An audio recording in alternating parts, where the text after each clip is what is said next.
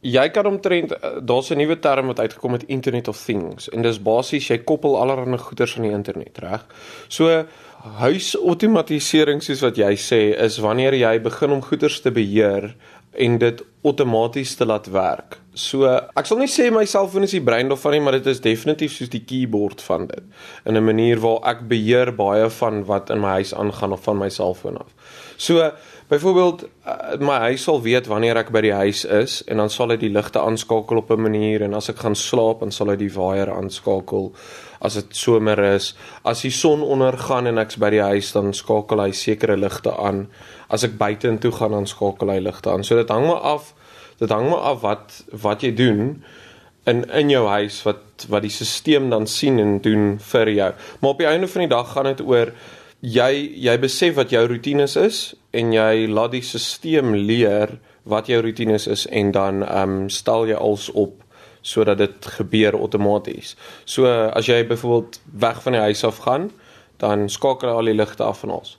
En iets cools wat ek recently gedoen het is baie kriminele sal kyk na jou ligte en goeders en kyk na jou TV's en sulke tipe van goed om te sien of daar iemand nie by die huis is nie. So as die buiteligte aan is maar die huis is heeltemal dood dan weet hulle. So wat ek gedoen het is ek het sagte ware geskryf wat basies my my huis laat lyk like asof daar iemand daar is as ek vir lang tye weg is. So hy sal soos die TV aanskakel en 'n 'n storie speel of hy sal ligte aan en afskakel en ek meen dit confuse mense so hulle sal dink as iemand by die huis maar daar is nie. En Fransjo, jy is iemand wat baie werk met rekenaars en jy het 'n groot agtergrond daarin. Kan enige persoon hulle huis so outomatiseer? Ek dink daar is soos soos wat die Engelse sal sê off the shelf solutions om dit te doen. Maar op die oomblik is dit baie baie nog rof en onbeskof in 'n manier as dit kom by rekenaars. Die goed is sagte ware en harde ware wat jy moet verander en skryf en maak. So dis nie dis nie vir enigiemand nie, maar daar gaan 'n punt kom wanneer daar soos 'n ou na jou huis toe gaan kom en hy gaan soos 'n tablet vat en hy gaan sê, "Oké, okay, hoe laat gaan slaap jy in die aand? Okay, so laat. Okay, wat wil jy moet gebeur?" En dan klik en drag hy net goedjies in boksies en dan magically werk alles.